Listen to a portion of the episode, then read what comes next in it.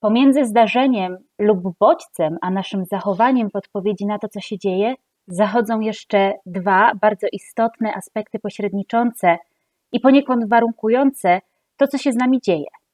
Mowa tu o myślach i emocjach, które są ściśle związane z naszym zachowaniem. Psychoterapia poznawczo-behawioralna zajmuje się innymi tym, w jaki sposób nasze myśli, emocje i zachowania wpływają na codzienne funkcjonowanie i całościowy dobrostan. Co powodują w nas dysfunkcjonalne myśli? W jaki sposób doznania somatyczne wpływają na nasze myśli? Czy zachowania zabezpieczające faktycznie poprawiają nasze bezpieczeństwo? Czym są przekonania kluczowe i myśli automatyczne? Dzień dobry Państwu, nazywam się Joanna Gutral, jestem psycholożką i psychoterapeutką poznawczo-behawioralną, a na powyższe pytania, te, które przytoczyłam przed chwilą, e, będę szukać odpowiedzi z moim i Państwa dzisiejszym gościem, panią Idą Derezińską, psychologiem klinicznym, psychoterapeutką poznawczo-behawioralną, superwizorką Polskiego Towarzystwa Terapii Poznawczo-Behawioralnej, związaną również z kliniką terapii poznawczo-behawioralnej Uniwersytetu SWPS e, i także kierownikiem merytorycznym w podyplomowej Szkole Psychoterapii Poznawczo poznawczo-behawioralnej na Uniwersytecie SWPS w Sopocie, a z osobistego doświadczenia dodam skarbnicą wiedzy dla wszystkich studentów, superwizantów i adeptów psychoterapii poznawczo-behawioralnej. Witam serdecznie Pani Ido. Dzień dobry i bardzo dziękuję za zaproszenie. Bardzo miło mi powitać wszystkich tych, którzy uczestniczą w naszym spotkaniu na żywo. Po prawej stronie ekranu znajdziecie Państwo okno czatu, w którym już od teraz możecie e, zadawać wszelakie pytania związane z psychoterapią poznawczo-behawioralną, a my postaramy się odpowiedzieć na jak największą ilość tych pytań. Pani Ido, pozwolę sobie zacząć bardzo szeroko, ale może w jakiś sposób pokieruję to dalszy, e, dalszy tor naszej rozmowy. Czym w zasadzie jest psychoterapia poznawczo-behawioralna? No, rzeczywiście jest to bardzo, e, bardzo ogólne, ale, e, ale ważne pytanie, ponieważ e, terapia czy psychoterapia to jest w ogóle metoda leczenia różnych zaburzeń psychicznych. I poznawczo-behawioralna to nas kieruje w stronę nurtów terapeutycznych, z których korzysta czyli z terapii poznawczej, która e, jest, e, kładzie nacisk na wszelkie aspekty poznawcze, ale metodą weryfikowania tego, w jaki sposób myślimy, jak to wpływa na nasze emocje i zachowanie, są techniki terapeutyczne, które są bardzo ważne w terapii poznawczej, i w związku z tym e, mamy nurt e, terapii poznawczo-behawioralnej, a właściwie terapii poznawczo-behawioralnych, ponieważ e, jest tu, jest tu trochę odmian terapii w tym nurcie. To w te odmiany będziemy wchodzić coraz głębiej i głębiej, ale już pojawiają się pierwsze pytania od naszych słuchaczy. Jak długo może trwać taka terapia? E, no, e, niestety odpowiedź brzmi trochę, a to zależy. E, to znaczy, z założenia jest to terapia ograniczona w czasie, czyli myślimy o tym w ten sposób, żeby to była terapia możliwie najbardziej krótka, w odniesieniu do tych efektów, które chcielibyśmy uzyskać razem z pacjentem, wtedy, kiedy koncentrujemy się na celach terapeutycznych pacjenta, czyli czasem będzie to terapia e, składająca się nawet z kilku sesji, a nawet z jednej sesji tylko dłuższej, e, wtedy, kiedy mamy do czynienia z fobią specyficzną, a czasem będzie to terapia, która będzie trwała rok i dłużej, wtedy, kiedy będziemy mieli trudności pacjenta związane z problemami osobowościowymi. A czy pacjent klient, z którym spotykamy się, y, z góry wie, ile potrwa jego terapia. No, o, o, oczywiście omawiamy to wstępnie e, z pacjentem, czyli e, nie, nie, zawsze e, my jesteśmy w stanie precyzyjnie to określić. Czyli staramy się powiedzieć, ile mniej więcej planujemy, jak to jest zazwyczaj zgodnie z protokołami e, terapeutycznymi, ale oczywiście e, w trakcie e, terapii bywa, że musi to być zweryfikowane.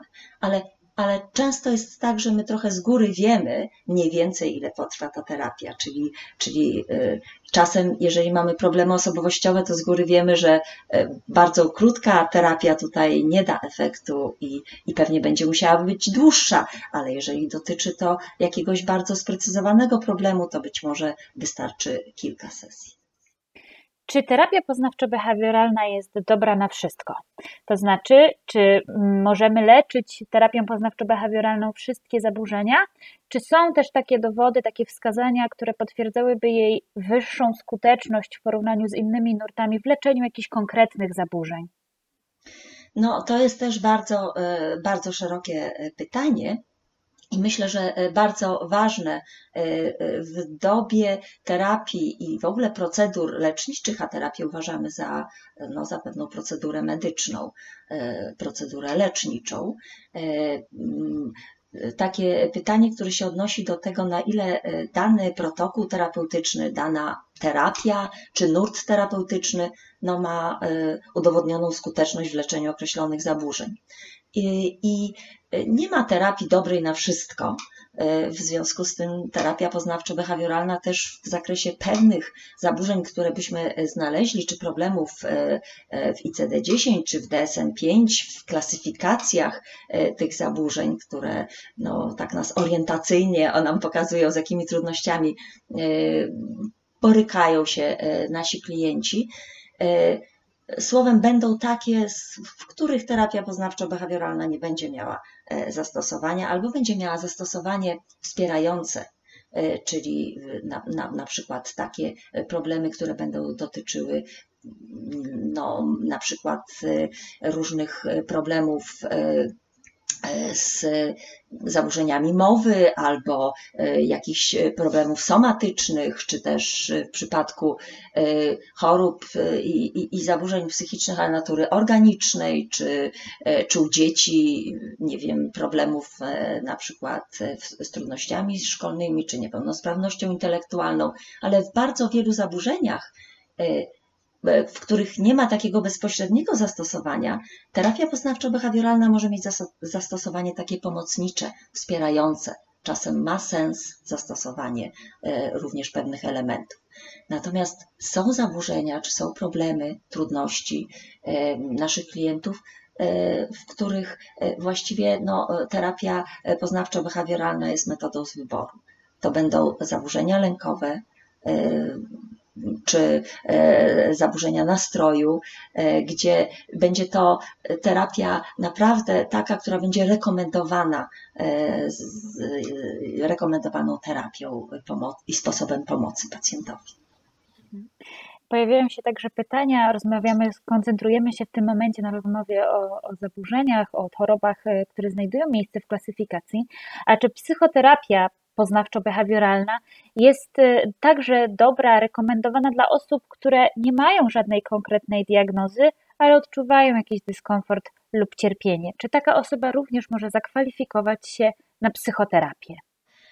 Może, dlatego że jako klinicyści wiemy o tym, że no, skomplikowane, e, e, jakby komplikacje dotyczące naszego funkcjonowania psychicznego czy radzenia sobie z różnymi trudnościami no, wymykają się klasyfikacją. I, I czasem jest tak, że my możemy nie móc postawić pewnego rozpoznania, ponieważ ktoś nie spełnia pewnego kryterium, ale to, co się dzieje, czy to, co stanowi dla niego trudność, e, no, jest związane z cierpieniem, z jakimś problemem e, w sposobie funkcjonowania, i w związku z tym e, taka osoba może poszukiwać pomocy. I wtedy warto sprawdzić, porozmawiać z terapeutą poznawczo-behawioralnym i zapytać, czy, czy byłaby tu no, możliwość uzyskania pomocy. A czy są takie przypadki albo takie zaburzenia, w których terapia poznawczo-behawioralna może przynosić więcej szkód niż pożytku? Tam, gdzie e, odniosłam się do tego, gdzie, e, gdzie ona nie jest terapią zalecaną, czyli w tych zaburzeniach, o których przed chwilą e, mówiłam, gdzie gdzie no, niewiele możemy zrobić, ponieważ nie jest to zalet, nie jest to zweryfikowane empirycznie, żeby w jakiś sposób tutaj terapia działała. Natomiast dobrze przeprowadzona terapia, tam gdzie ona jest rekomendowana, no, co to znaczy, że jest terapia rekomendowana? No to znaczy, że ona ma udowodnioną skuteczność, taką empiryczną w badaniach kontrolowanych, naukowych, czyli no my to nazywamy skrótem RCT, czyli takich z randomizacją, z, z warunkach kontrolowanych, więc wtedy no, w rękach osoby, która jest psychoterapeutą poznawczo-behawioralnym i superwizuje swoją pracę. Mamy nadzieję, że przyniesie korzyść.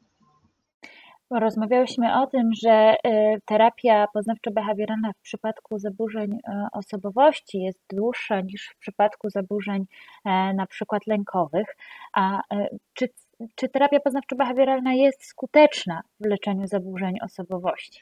Oczywiście również w leczeniu zaburzeń osobowości jest e, skuteczna i e, ta długość czy długotrwałość e, wynika głównie z tego, że trudności, które się pojawiają u, danej osoby, no, zwykle przez długi czas stanowiły kłopot dla niej i w związku z tym bardzo często e, jest tak, że już e, jest dużo takich zachowań, czy takiego sposobu myślenia, czy takiego sposobu reagowania e, emocjami, które mają utrwalony bardzo charakter.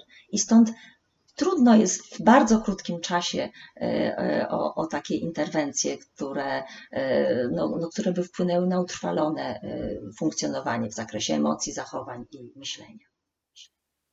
Chciałabym za chwilę porozmawiać o e, technikach i tym w ogóle trochę jak wygląda terapia poznawczo-behawioralna w praktyce, ale kilkukrotnie pojawiło się już pytanie, którego nie mogę zignorować. Czy jaka jest najlepsza szkoła psychoterapii w Polsce? I myślę, że obie będziemy tutaj bardzo stronnicze co do odpowiedzi. E, I ja ze swojej perspektywy polecę Państwu Szkołę Psychoterapii Poznawczo-Behawioralnej pod kierownictwem dr Ewy Pragłowskiej, dr Agnieszki Popiel, które już były gości, gościniami webinarów ABC Psychoterapii Uniwersytetu SWPS. Kierownikiem merytorycznym filii tej szkoły w Sopocie e, jest e, pani Ida Derezińska. Zatem serdecznie polecamy i zapraszamy e, do tej szkoły, a też informacje o tym, e, kim jest psychoterapeuta i jakie e, kryteria musi spełniać, aby móc tą karierę zawodową obrać. Rozmawiałam o tym z dr Ewą Pragłowską w webinarze miesiąc temu, więc odsyłam Państwa do tam zawartych materiałów. Ja rozumiem Pani, że Pani się zgadza z, tym, z tą moją rekomendacją co do szkolenia. No nie będziemy tutaj niezwykle obiektywne, ale mam nadzieję, że w swoim subiektywizmie jesteśmy jakoś obiektywne. To, co, na co trzeba zwracać uwagę, to e, zawsze, żeby w miejsce, w którym się szkolimy w zakresie psychoterapii, no było jakoś rekomendowane również przez, e, przez towarzystwo, czyli tutaj jest taka podwójna rekomendacja, e, czyli z jednej strony, jeśli chodzi o SWPS, o szkołę psychoterapii na SWPS-ie, z jednej strony jest to rekomendacja Towarzystwa Naukowego, czyli Polskiego Towarzystwa Terapii Poznawczej i Behawioralnej, a, a z drugiej strony jest to e, no, rekomendacja takiego mm, no, e, kształcenia się w szkole wyższej e, na poziomie uniwersyteckim i studiów podyplomowych, ale szkoły psychoterapii poznawczo-behawioralnej, takie, które mają rekomendacje Polskiego Towarzystwa Terapii Poznawczej i Behawioralnej, no, muszą spełniać pewne odpowiednie wymogi i kryteria. Rozmawiamy o psychoterapii, gdzieś jakoś naturalnie nasuwa nam się myśl o psychoterapii indywidualnej, ale uczestnicy y, naszego webinaru dopytują, czy psychoterapia poznawczo-behawioralna jest także, y, także skuteczna w przypadku terapii dzieci, młodzieży, terapii grupowej, terapii par i rodzin, czy tam również y, terapeuci pracują w modalności poznawczo-behawioralnej?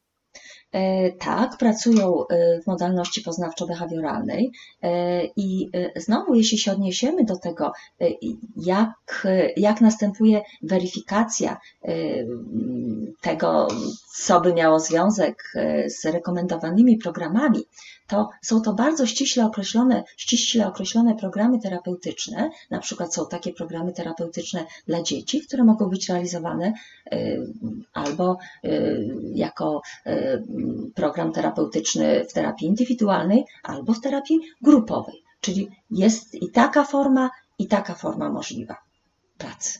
Mhm. E, Sandra zadaje bardzo ciekawe pytanie. Jak wygląda przykładowa, typowa sesja terapeutyczna w nurcie poznawczo-behawioralnym? Wchodzę do gabinetu i co się dzieje? No, ja rozumiem, że zakładamy już, że odbyła się e, wstępna diagnoza, czy, czy słowem to już jest pewne kolejne spotkanie, E, I to, czego się możemy spodziewać, to to, e, że to spotkanie ma pewną strukturę i pewną kolejność e, ona nie jest taka ortodoksyjna bardzo, ale, ale słowem tego, co się będzie na tej sesji terapeutycznej e, pojawiało. E, czyli na pewno to, czego się możemy spodziewać, to e, jeśli była prośba na poprzedniej sesji o to, żeby zastanowić się nad czymś, rozważyć coś lub poobserwować, słowem była jakaś praca osobista zadana, to, to na pewno można się spodziewać, że, że będzie o to pytanie, będzie pytanie o samopoczucie, a też będzie ustalone, e, ustalony plan tej sesji terapeutycznej e, w porozumieniu e, razem z klientem, z pacjentem. Czyli to, ponieważ jest to terapia oparta na współpracy, to, to wspólnie ustalimy taki plan tego spotkania i mm, spróbujemy po sprawdzeniu tej pracy osobistej e, zrealizować ten plan spotkania i e, pomyśleć o tym, e, w jaki sposób można byłoby między poszczególnymi sesjami pracować nad tym, co wypracowałyśmy, czy wypracowaliśmy w czasie spotkania terapeutycznego. Słowem, znowu się pojawi praca osobista. I na koniec można się spodziewać, że terapeuta zapyta, czy E, czy mamy jakieś e, konkluzje, uwagi, podsumowania, komentarze do tej sesji? E, czy coś było szczególnie warte zauważenia, albo czy, czy coś no, było takiego, co wymagałoby jeszcze jakiegoś komentarza czy uwagi? Z jakich technik korzysta terapeuta poznawczo-behawioralny w czasie sesji?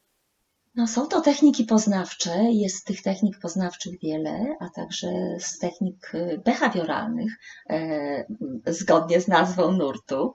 E, I no, nie wiem, na ile jest miejsce do opowiedzenia o tych technikach. Oczywiście o wszystkich nie, nie, nie chciałabym opowiadać, bo nie mamy na to na pewno czasu, ale, ale chyba chciałabym opowiedzieć o o takiej głównej technice y, poznawczej, która y, się nazywa dialogiem sokratejskim. I to jest taka technika, która jest niezwykle ważna, ponieważ ona też się odnosi do, do tego, jak w ogóle wygląda terapia poznawczo-behawioralna, czyli do tego, że ona jest oparta na współpracy między osobą, która przychodzi po pomoc, a, a terapeutą. Więc dialog sokratejski e, to jest taki sposób rozmowy, w którym e, terapeuta e, zadaje pytania takie, żeby, żeby sam klient czy, czy sam pacjent próbował odkrywać różne ważne zależności, na przykład co tak naprawdę stanowi dla niego problem, albo jakie myśli, zachowania i emocje w jakich sytuacjach stanowią trudność dla danej osoby. Y, albo jaka, byłaby, jaka mogłaby być inna perspektywa patrzenia na to, co stanowi sytuacje problemowe. Słowem, dialog sokratejski to jest bardzo ważna metoda, można powiedzieć królowa takich metod terapii poznawczo-behawioralnej, ponieważ ona zaprasza osobę, która, która ma trudności, która zastanawia się i chciałaby zmienić swoje życie, funkcjonowanie, poprawić swój dobrostan, do tego, żeby się zastanowiła, w jaki sposób chciałaby to zrobić, jak rozumie to, co się dzieje w tej chwili z nią i jak można byłoby uzyskać inną perspektywę patrzenia na problem. I to byłaby taka królowa technik poznawczych, bo myślę, że taką, bo oczywiście tych technik poznawczych jest bardzo dużo, to jest technika, ale to jest też pewna metoda pracy, czyli wiele innych technik poznawczych będzie się mieściło w tym dialogu sokratejskim. A czym się różnią techniki poznawcze od technik behawioralnych? Bo myślę sobie, że e, dla nas są to jasne terminy, ale być może dla odbiorców, którzy gdzieś mierzą się z tym zagadnieniem po raz pierwszy, pierwszy nie do końca, ta różnica będzie klarowna. Jakby Pani to różnicowała? Y, no, może na podstawie przykładu, gdzie taką chyba królową technik behawioralnych będzie ekspozycja.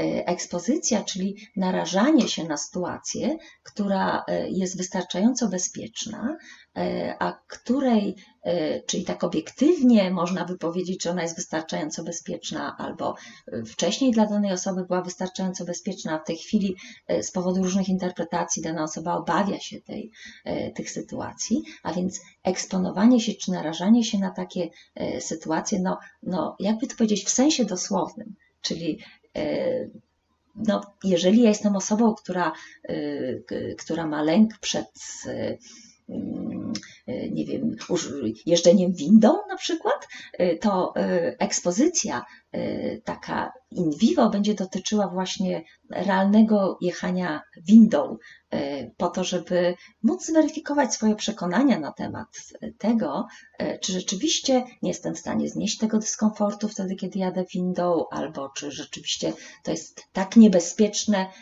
jak, jak o tym myślę w danym momencie. Mhm.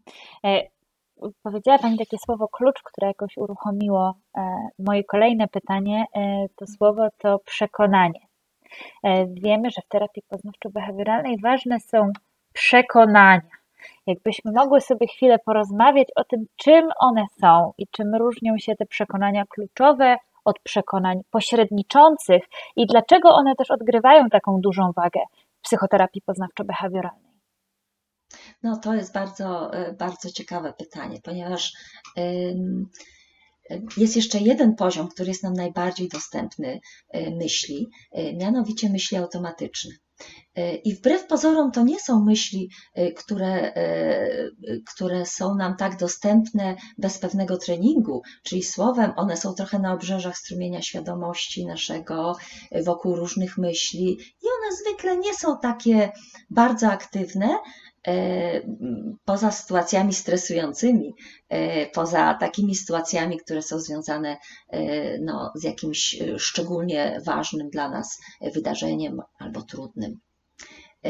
No i cóż te myśli nam mówią automatyczne? One nam oddają pewną treść właśnie tych przekonań, o których Pani powiedziała, czyli one są z nimi powiązane i te przekonania to, to już są głębiej czy, czy przekonania pośredniczące, pewne zasady, czy przekonania kluczowe, one wymagają choćby tego dialogu sokratejskiego, o którym e, rozmawiałyśmy, e, żeby e, zbadać to znaczenie myśli automatycznych, czyli te przekonania, które ja mam, które mi się wykształciły w historii mojego życia pod wpływem różnych doświadczeń dotyczące mnie samej, świata, innych ludzi, przyszłości. I one zwykle mają taki charakter utajony, czyli one nie są aktywne poza sytuacjami, które są dla nas jakoś ważne mm, albo problematyczne, bo przecież to jest opis rzeczywistości, czyli w, w sytuacjach, kiedy mm, no, nie mamy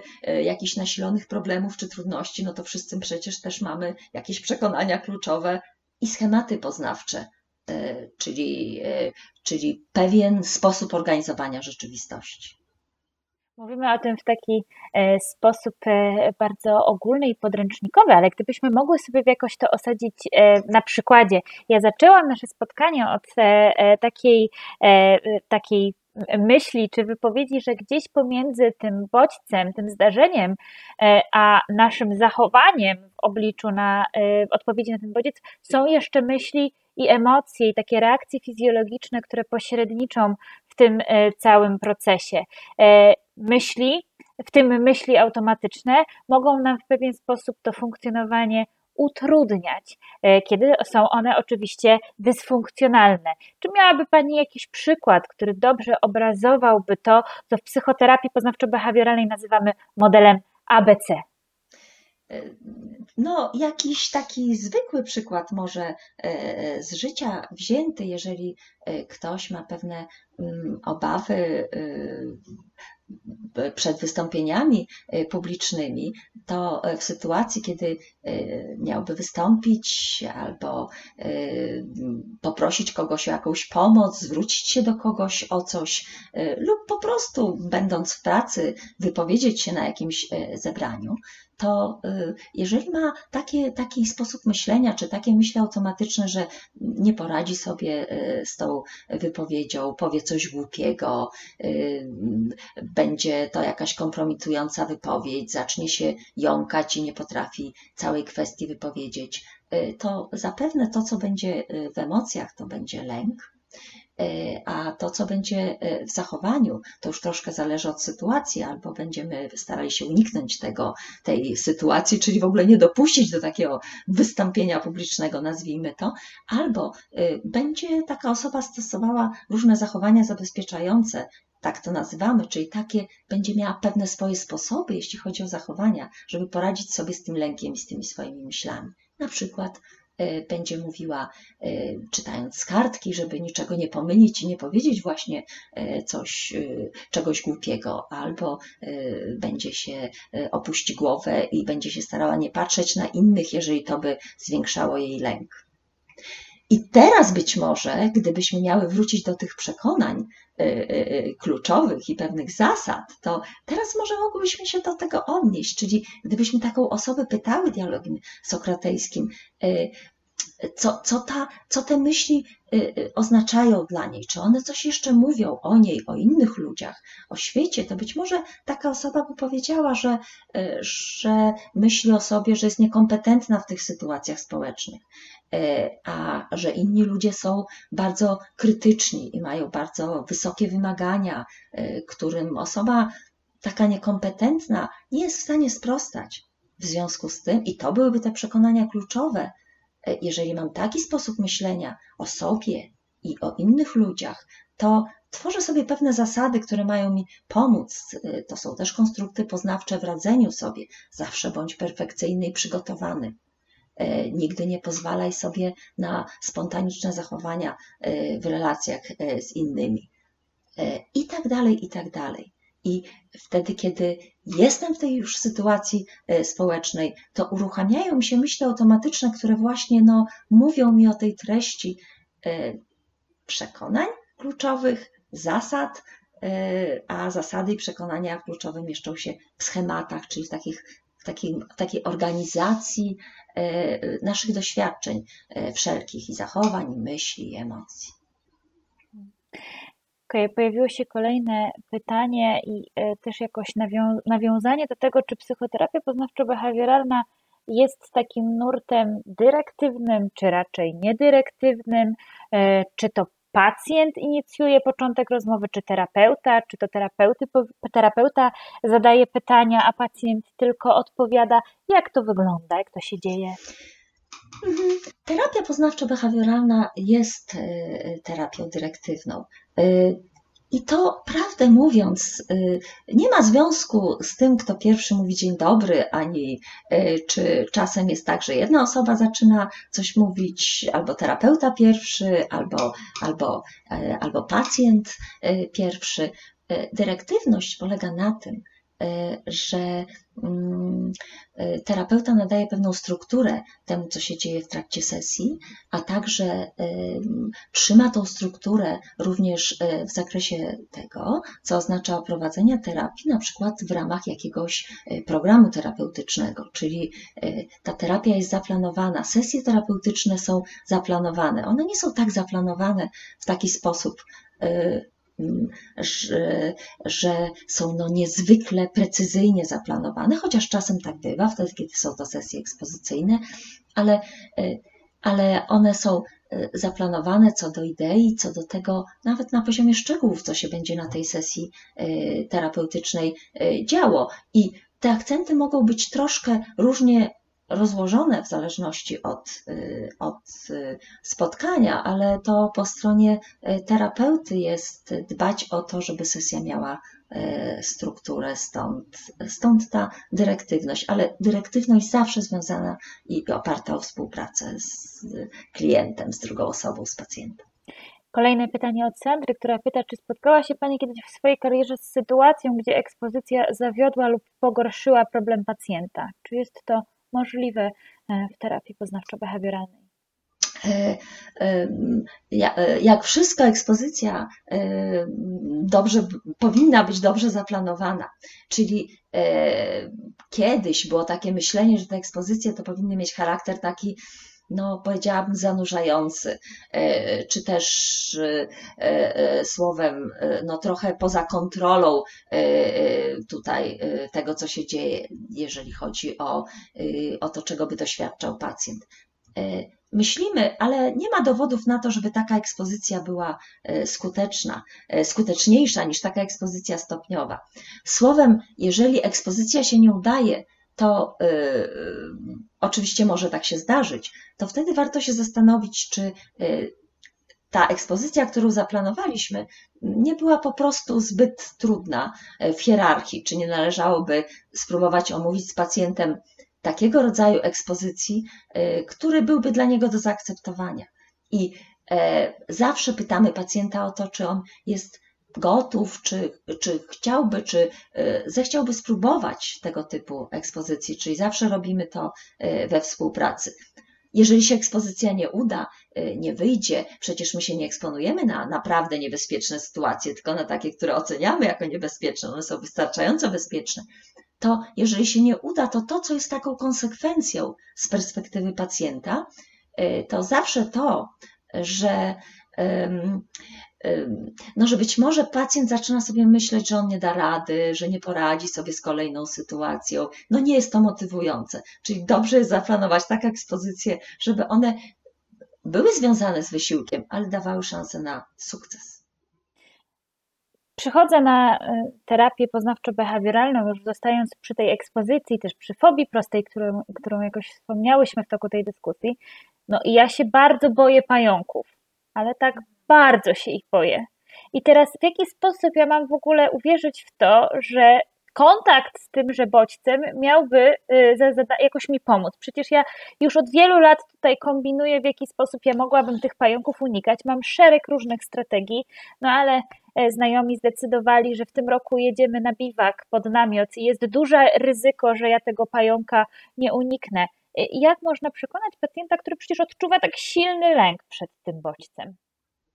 No, pierwsza rzecz taka chyba, która mogłaby być przekonująca, to to, e, że jednak e, pacjent do nas przyszedł, znaczy strategie, które stosuje, e, no niestety nie działają i powodują czy utrzymują cierpienie pacjenta. Cierpienie albo bezpośrednio w kontakcie z tymi bodźcami, albo cierpienie związane z tym, że dana osoba nie może robić tego, co by chciała. No, wieść powiedzmy to tak kolokwialnie, takiego życia, jakie by chciała. Nie jedzie na, na ten biwak, o którym e, pani powiedziała, czy, e, czy, czy nie wyjeżdża, e, cały czas jest skoncentrowana na tym, czy, czy ten pająk się gdzieś przysłowiowy nie pojawi.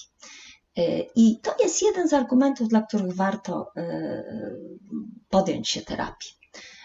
No, również chciałabym przekonać panią do tego, albo osobę, która by przyszła z takim e, kłopotem, e, że e, terapia ekspozycyjna to jest terapia, która się dzieje krok po kroku i ona nie, nie ma aż tak wiele wspólnego wbrew pozorom z tym, czego czego pacjent doświadcza no, w życiu realnym.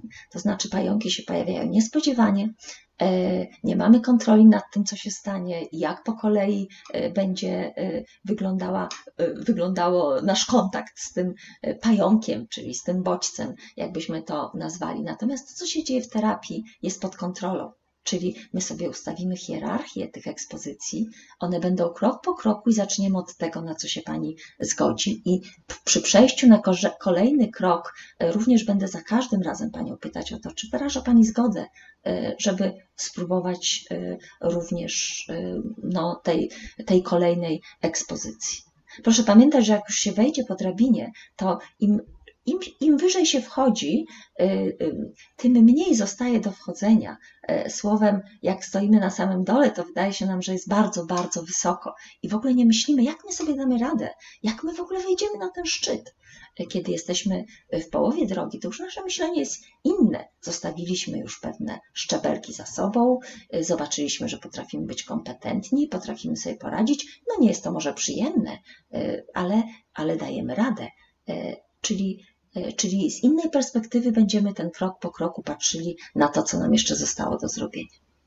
Rozmawiamy sobie tutaj o fobii prostej, a w międzyczasie spłynęły pytania, czy psychoterapia poznawczo-behawioralna jest skuteczna w bardzo silnych zaburzeniach lękowych, e, schizofrenii e, i chorobie afektywnej dwubiegunowej. W, w zaburzeniach e, e, lękowych ma udowodnioną e, skuteczność no, w bardzo wielu zaburzeniach, czyli tutaj bym chciała powiedzieć, że między innymi jedno, jednym ze sposobów pracy, tam gdzie mówimy o tej pracy behawioralnej, to jest właśnie ekspozycja, ale ekspozycja, która jest pewnym eksperymentem behawioralnym, czyli co to znaczy eksperymentem? To znaczy, że chodziłoby o to, żeby y, spróbować spojrzeć na to, co się będzie działo w tej ekspozycji y, z, z pewnej perspektywy poznawczej, być może zmienić swoją, swój sposób patrzenia, swój sposób rozumienia z tego, co się, co się dzieje, czyli jest coś, czego ja się spodziewam, co się wydarzy, na przykład tego, że mój lęk będzie rósł w nieskończoność. I jest coś, co się wydarza naprawdę, czyli to, że ten lęk to prawda, go doświadczam i przez jakiś czas jest, ale nie rośnie w nieskończoność i, opada. E, nie jest to tak, że, e, że nie mam kontroli nad tym, co się dzieje. E, również pytanie było o, o chorobę afektywną dwubiegunową. Mamy całe programy terapeutyczne, które się odnoszą do pracy z osobami, które mają tę trudność i one mają weryfikację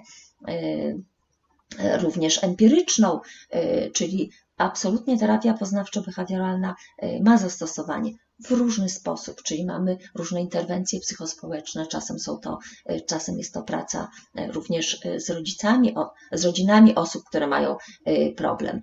Bardzo często jest to praca wtedy, kiedy pacjent już się czuje lepiej we współpracy z lekarzem, czyli wtedy, kiedy pacjent również korzysta z farmakoterapii zaleconej przez lekarza po to, żeby być może móc, y, na, na ile to jest możliwe, y, zapobiegać nawrotom, czyli, czyli y, no, rozpoznawać pewne wczesne objawy tego, że mógłby nastąpić Y, jakiś kolejny epizod, czy to manii, czy y, depresji y, i, i podjąć pewne odpowiednie kroki, takie na przykład jak zgłoszenie się do lekarza, bo być może czas da, zmienić dawkę leków, jak zadbanie o regularny rytm dnia i nocy, czy zmniejszenie poziomu stresu itd., tak itd.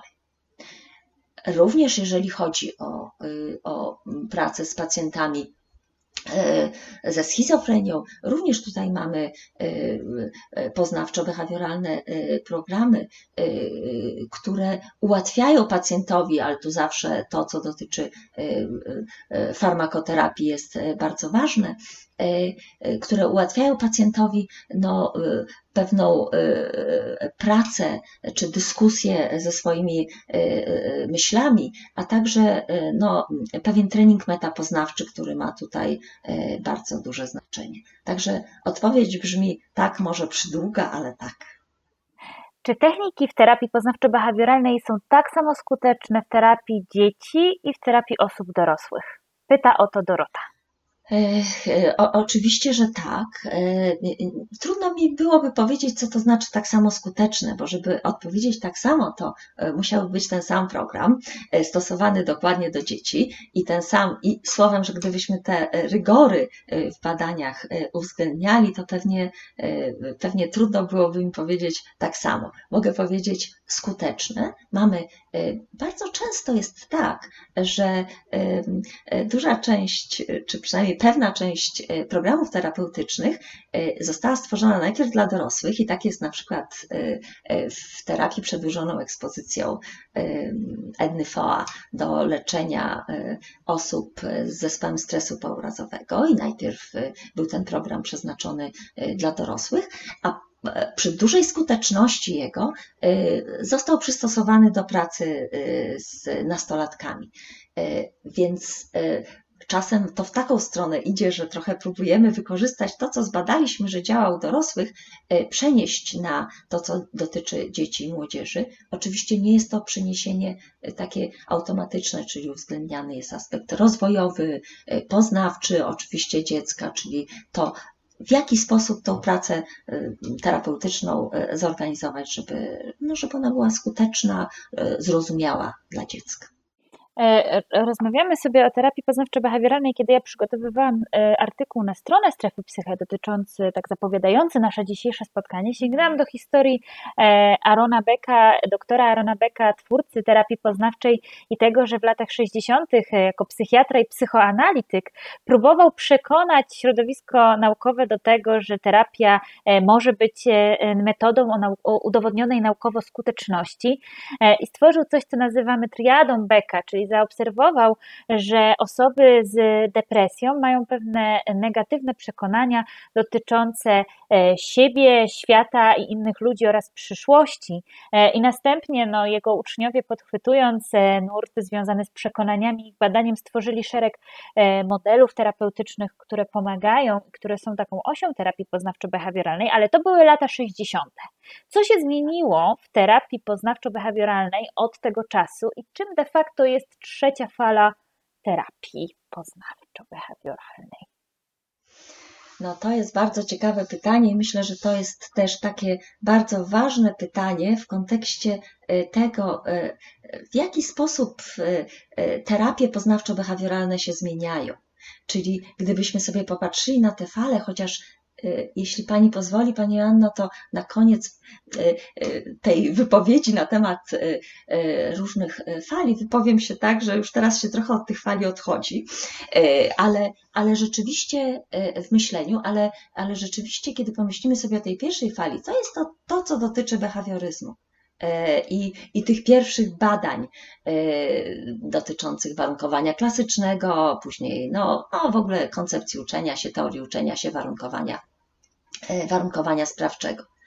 E, to było e, niezwykle interesujące, że już wówczas dbano o to, żeby zapisywać dane, trzymać się pewnych faktów dotyczących obserwacji i patrzeć, jak te trendy wyglądają. Słowem, była weryfikacja empiryczna. I kiedy, kiedy dr Beck Y, y, y, zaczął myśleć nad terapią poznawczą, to to, co było w jego myśleniu naprawdę wspaniałe takie i, i, i ważne, to to, że obserwował najpierw, co się dzieje z pacjentami, miał wiele różnych obserwacji. Następnie, jeśli widział pewne prawidłowości, próbował stworzyć teorię, E, ale, e, ale bardzo mu zależało na tym, żeby były metody, które weryfikują tą teorię. E, stąd, stąd różne skale, które sprawdzały, monitorowały zmiany, wprowadził adekwatny do tej teorii system leczenia. I następnie znowu weryfikował, czy ten system leczenia się sprawdza, no, czyli ten protokół. No, to była ta druga fala, i, i to już była ta fala bardzo wielu terapii poznawczych i behawioralnych, w zaburzeniach lękowych, i depresyjnych, w wielu różnych y, zaburzeniach, gdzie mieliśmy takie dosyć precyzyjne i mamy y, protokoły, pewne modele poznawcze danych zaburzeń, czyli tego, jakie mechanizmy mm, podtrzymują objawy i, i, i słowem, jakie strategie tutaj terapeutyczne moglibyśmy podjąć, żeby pomóc komuś poradzić sobie e, z jego e, trudnością. I, e, i to jest właśnie charakterystyczne dla terapii poznawczo-behawioralnej, że było bardzo, bardzo wiele badań empirycznych sprawdzających skuteczność tych programów terapeutycznych, koncepcji teoretycznych. po to, żeby oferować jako pomoc taki rodzaj pomocy, co do którego mamy no, dowody, że jest skuteczny w danym zaburzeniu. No ale wtedy, kiedy się robi dużo badań, to pojawiają się różne dodatkowe czy nowe obszary. I to w gruncie rzeczy, bo Właściwie trzecia fala trochę powstała w opozycji do, do drugiej fali i do, mm, e, e, do, do tych terapii poznawczo-behawioralnych, tak bardzo opartych na tych, na tych protokołach, ale, ale zauważono, że pewni, pewne grupy osób z, z pewnymi trudnościami że, że niewystarczające są te metody, które stosujemy, albo być może mogłyby być te metody jeszcze lepsze. I trzecia fala to jest, mm, to jest taki sposób myślenia, on obejmuje różne programy czy, czy mm, psychoterapie poznawczo-behawioralne, który zwraca uwagę bardzo na kontekst, czyli E, zwraca uwagę na to, w jakim kontekście dany problem się pojawia, e, czyli to, to myślenie, te emocje, te zachowania, w jaki kontekst są budowane, ale też e, w ramach tego myślenia modyfikacja kontekstu będzie miała wpływ również na problemowe zachowania. Jak również trzecia fala zaczęła zwracać uwagę, znowu wracać do takich procesów podstawowych procesów, byśmy powiedzieli, psychologicznych, y, które mają wpływ na to, co się y, dzieje w zakresie, podtrzymują problemy pacjentów i na mediatory, moderatory tych procesów, czyli na znowu na kontekst i na te, na te czynniki, które pośredniczą y, w tym, że dany proces zachodzi. I to są różne tutaj nurty. Jest terapia akceptacji zaangażowania, jest stosowana do różnych zaburzeń, jest terapia dialektyczno-behawioralna, która wyrosła w takim myśleniu o tym, jak pomóc osobom, które mają trudności z bardzo dużą dysregulacją emocji, w tym, żeby lepiej funkcjonowały. I to była ta właśnie, i to jest ta terapia e, właśnie dialektyczno-behawioralna.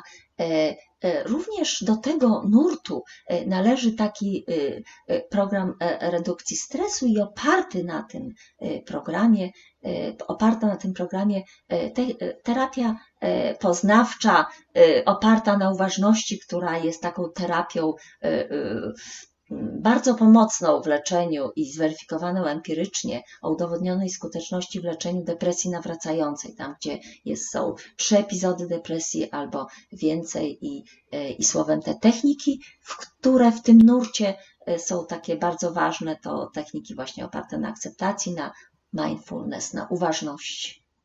E, też jakoś nawiązałam do tej trzeciej e, fali, ponieważ padło takie pytanie, które gdzieś mi tutaj zaginęło w odmętach e, czatu, ale już go szukam. O, jest.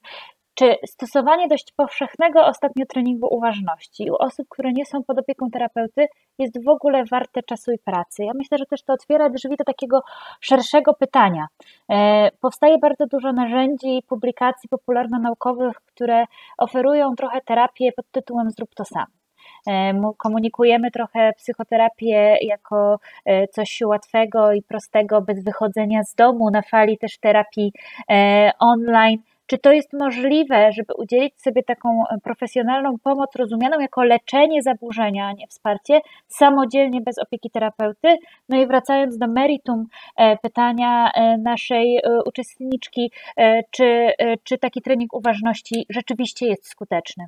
Trening uważności e, to e, służy temu, no jest skuteczny, to odpowiedź by tak brzmiała, zweryfikowana tutaj jest skuteczność, e, służy temu, żeby bardziej się osadzić w tym, co się dzieje tu i teraz i, i w teraźniejszości. I on został, te, te, te różne techniki oparte na uważności a oparte wcześniej na, na, na różnych technikach medytacyjnych, czy na, no, na, na takim bardzo medytacyjnym e, charakterze aktywności, czy, czy też byśmy powiedzieli, jest tu cała filozofia za tym, ale, ale gdybyśmy się odnieśli do psychoterapii, do takiej strategii terapeutycznej, to nas osadza w rzeczywistości, w tym, co się dzieje tu i teraz, czyli wtedy, kiedy, kiedy my w swoich procesach myślowych martwimy się o coś, E, co się wydarzy w przyszłości, e, to w gruncie rzeczy e, trochę jesteśmy mało obecni w tym, co się dzieje tu i teraz.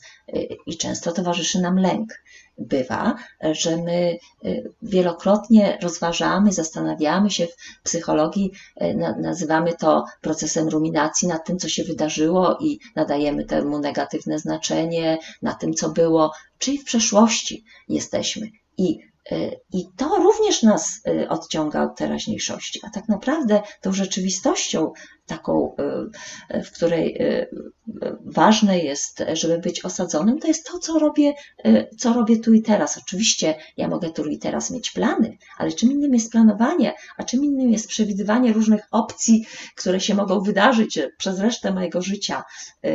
No, no nie, ma, nie wiemy tego. To, to, to są pytania, na które e, nie ma odpowiedzi. Więc e, praktykowanie uważności w różnych sytuacjach na co dzień jest jak najbardziej e, wskazane.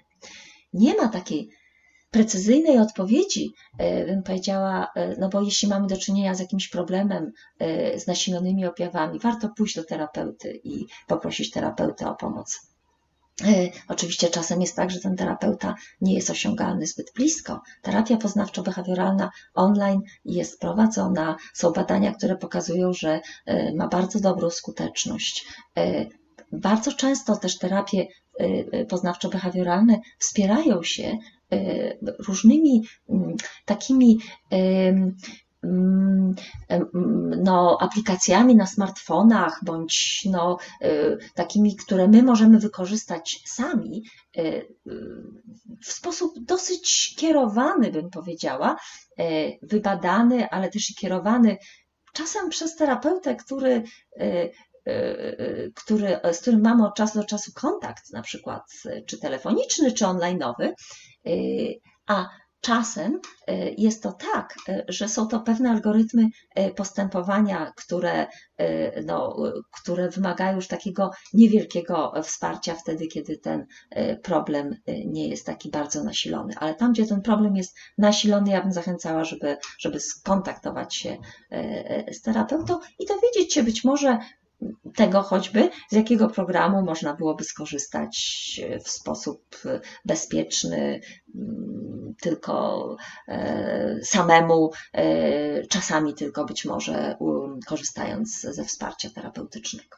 Kiedy zadałam pytanie, jak wygląda sesja e, psychoterapii poznawczo-behawioralnej, wspomniała Pani o tym, że sesja zaczyna się od omówienia pracy osobistej, a prawie kończy E, od e, e, omówienia kolejnej czy zadania kolejnej pracy osobistej, jaką rolę pełnią prace osobiste? Dlaczego nie są pracami domowymi? Bo to taka naturalna konotacja, która gdzieś nam się kojarzy w głowie, jak praca to domowa, a tu tymczasem nazywamy to pracą osobistą. Dlaczego one w ogóle są potrzebne? Dlaczego odgrywają rolę w terapii poznawczo-behawioralnej? No, dlatego, że sesje, e, to sesja trwa 50 minut, no może godzinę, no może być terapia oczywiście, w której trwa, sesja trwa e, półtorej godziny i są takie programy terapeutyczne, a, a, i dłużej. Ale to, co, ale, ale cała reszta życia to i tak jest to bardzo wiele godzin od jednego spotkania do drugiego.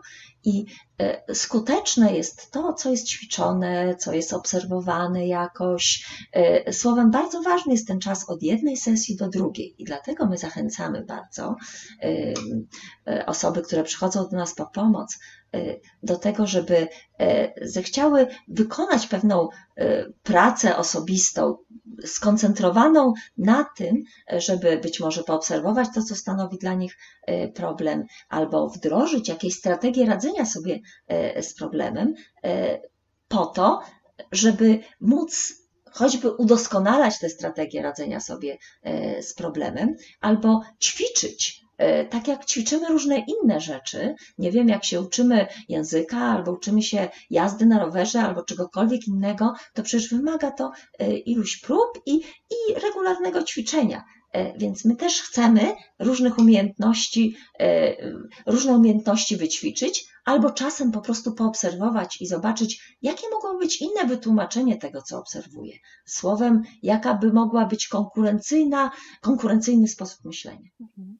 Padło też pytanie o tym, jakie są podstawowe różnice pomiędzy psychoterapią poznawczo-behawioralną a psychoterapią psychodynamiczną. I czy to prawda, że psychoterapia poznawczo-behawioralna nie zajmuje się doświadczeniami e, z dzieciństwa, relacjami z rodzicami, a koncentruje się wyłącznie na tym, co jest tu i teraz?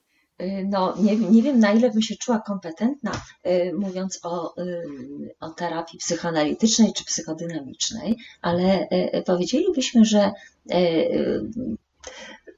no, nie jestem tu zbyt kompetentna, ale że głównie gdybyśmy tak popatrzyli na Freuda i na, na, na te nurty późniejsze, koncentruje się na tym, co, co jest nieświadome, I bardzo to, co świadome i dostępne, jest bardzo oddzielone od tego, co jest nieświadome. Słowem, to jest, są tak jakby takie osobne części trochę. Natomiast o, oczywiście dzieciństwo ma znaczenie i to, o czym, o czym tutaj Pani powiedziała, ale to, że terapia poznawczo-behawioralna nie odwołuje się do, do okresu dzieciństwa, do, świat, do, do doświadczeń danej osoby, no, nie jest prawdą, dlatego że jeśli myślimy o schematach poznawczych, o przekonaniach kluczowych, które są no, częścią tych schematów poznawczych, to przecież one się tworzą w toku doświadczenia. I, i to dzieje się, słowem, mam wiele doświadczeń, które mówią o tym, które odnoszą się do tego, czy ja się w końcu czuję jako, jako osoba w jakiejś kwestii kompetentna, czy nie, warta kochania, czy nie warta tej miłości.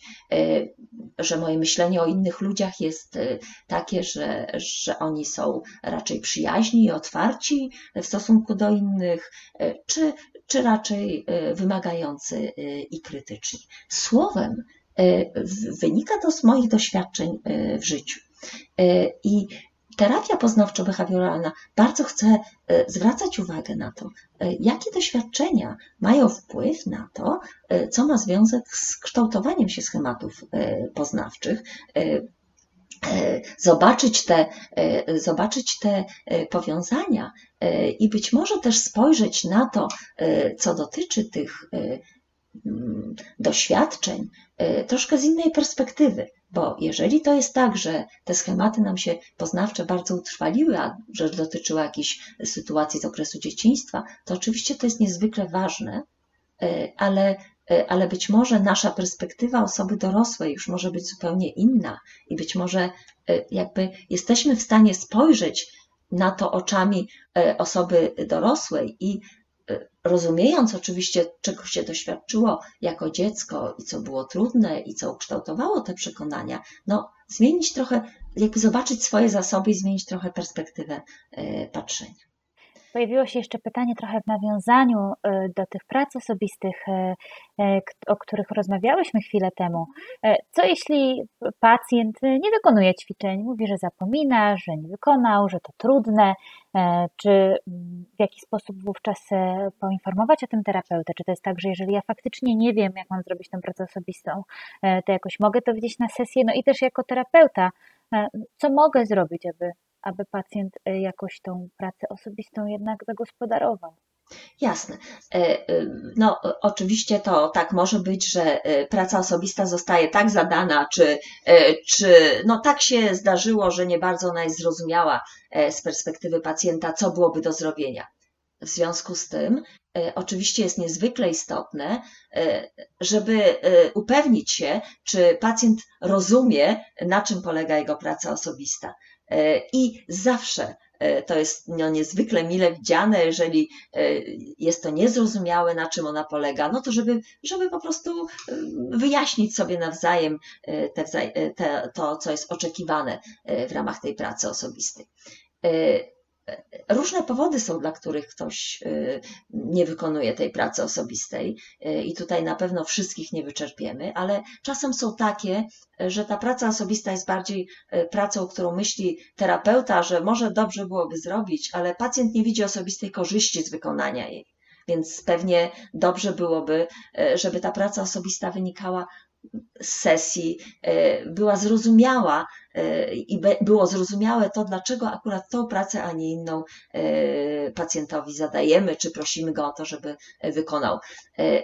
Drugim powodem, czy, czy jednym z powodów również bywa to, że no nie ma zgody co do celów terapii, a cele terapii bardzo często są no, no, przecież powiązane z tym, w jakiej strategii używamy i jak w związku z tym wyglądają prace osobiste. Więc pacjent nie widzi powiązania między tym, co, co miałby do zrobienia, z tym, co chce osiągnąć, co jest jego celem. Być może czasem tu jest powód, Oczywiście czasem jest tak, że mamy pewne e, swoje deficyty, każdy z nas je ma, e, że na przykład odkładamy na później, albo trudno nam jest zorganizować wykonanie czegoś, albo e, coś, co wymaga dużego nakładu pracy, a my nie mamy tego czasu, to, no to rezygnujemy z tego. I tutaj warto przy zadawaniu prac osobistych brać to wszystko pod uwagę, tak żeby ona była no po prostu możliwa do zrealizowania. Pani Ido, podzielę się teraz takim kawałkiem osobistym. To Pani była tym wykładowcą szkoły podyplomowej psychoterapii poznawczo-behawioralnej, która e, powiedziała takie słowa, które wzięłam sobie głęboko do serca, że psychoedukacja to potężne narzędzie i rozmawiając e, z e, pacjentem o tym, dlaczego, czemu miałaby służyć praca osobista, jak bardzo związana jest z celami terapii, możemy sprawić, że faktycznie jakoś wspólnie te prace osobiste będą gromadzeniem takiego materiału dowodowego też na sesję, którym będziemy mogli się zająć i że, jest, że odgrywa to olbrzymią rolę w pracy terapeutycznej, ale też Pani była tym wykładowcą, który uświadomił mi znaczenie roli modeli terapeutycznych i e, dlaczego one są tak ważne, w ogóle czym są modele zaburzeń w psychoterapii e, poznawczo-behawioralnej i dlaczego odgrywają one tak ważną rolę w terapii. Modele poznawczo-behawioralne to jest ta część teorii, która nam e, pokazuje, e, w jaki sposób e, narastają i są podtrzymywane no, te trudności, które mamy w zakresie emocji, w zakresie zachowań, czy objawów lękowych, czy i związanych z nimi objawów fizjologicznych. I tak to jest, że jeśli myślimy o zaburzeniach lękowych na przykład, to tych zaburzeń lękowych jest no, sporo. Mamy fobie specyficzne, jest zaburzenie lękowe uogólnione, czyli tam, gdzie się człowiek bardzo martwi o wiele różnych obszarów, a czasem jest to lęk o zdrowie, a czasem jest to lęk, e, zaburzenie paniczne z e, napadem paniki. I każdy z tych modeli poznawczych zwraca uwagę na inne aspekty, podkreśla i akcentuje inne aspekty i, i powiązania. I jeżeli my chcemy z osobą, która ma trudność w jakimś zakresie, zbudować taki, taką konceptualizację tego, na czym polega tej osoby problem, to dobrze jest wykorzystać taki model, ponieważ on jest zweryfikowany, my wiemy, że tak to działa, mamy na to dowody empiryczne i możemy zapytać naszego pacjenta czy klienta krok po kroku o to, co, jak wygląda jego problem, na czym on polega. I, e, i później rysując to bądź przedstawiając naszemu pacjentowi, możemy zapytać, czy to opisuje to, co się z nim dzieje. Jeżeli pacjent powie tak, e, to być może, e, a nawet na pewno warto byłoby powiedzieć, jakie elementy tego modelu powodują, że to ten problem kręci się w kółko i nie ustępuje. I słowem, co moglibyśmy zrobić, żeby przerwać y, no, te wzajemnie y, napędzające się procesy? Jutro jest Światowy Dzień Psychoterapii. E, co chciałaby Pani przekazać osobom, które zastanawiają się, czy psychoterapia jest w ogóle dla nich już abstrahując, czy jest to psychoterapia poznawczo-behawioralna, czy w innym wybranym nurcie, e, aby dały sobie szansę i spróbowały takiego podejścia? E, no, jeżeli odczuwamy cierpienie, dyskomfort w codziennym funkcjonowaniu, mamy poczucie, że, że nasze decyzje i zachowania są napędzane przez lęk, albo przez takie ciągłe wracanie do, do wydarzeń przeszłych. Jest to związane u nas z dyskomfortem, to warto spróbować mieć na to wpływ i zmienić coś. Dlatego, że wbrew pozorom, to nie jest tylko, i przepraszam za to tylko, tak, że cierpimy. My bardzo dużo wkładamy często wysiłku w to, e, e, nieświadomie, jakby nie chcąc tego, tego robić, w to, żeby przestać cierpieć, ale robimy to w taki sposób czasami, że to podtrzymuje te nasze trudności. Więc warto skorzystać, zwłaszcza tam, gdzie mamy udowodnioną skuteczność, gdzie mamy no, możemy z, dużym, z dużą pewnością przyjąć, że jest szansa na to, żeby uzyskać efekt i pomoc. Dziękuję Państwu bardzo serdecznie za spotkanie. Proszę o wirtualne e, brawa dla naszego dzisiejszego gościa, pani Idy Derezińskiej. Dziękuję bardzo serdecznie za spotkanie, pani Ido. Ja przypominam, że zapisy tej i innych rozmów dostępne są na YouTubie Strefy Psyche Uniwersytetu SWPS, ale także w formie podcastu na iTunes, Spotify, SoundCloud e, i Lekton. E, śledźcie Państwo kolejne wydarzenia w ogóle Strefy Psyche i cyklu ABC Psychoterapii. Dziękuję Państwu za obecność obecność. Dziękuję bardzo e, Pani Ido za to, że była Pani z nami. Ja też bardzo dziękuję i bardzo dziękuję Pani i za wszystkie pytania i, e, i za to również, że mogłam, bo chcę też bardzo wszystkim Państwu podziękować, e, że mogłam mieć kontakt z Państwem chociaż w taki sposób, że, że przez czat i że zadawaliście Państwo pytania. Także bardzo dziękuję wszystkim za obecność. Dziękujemy serdecznie i do zobaczenia. Do widzenia.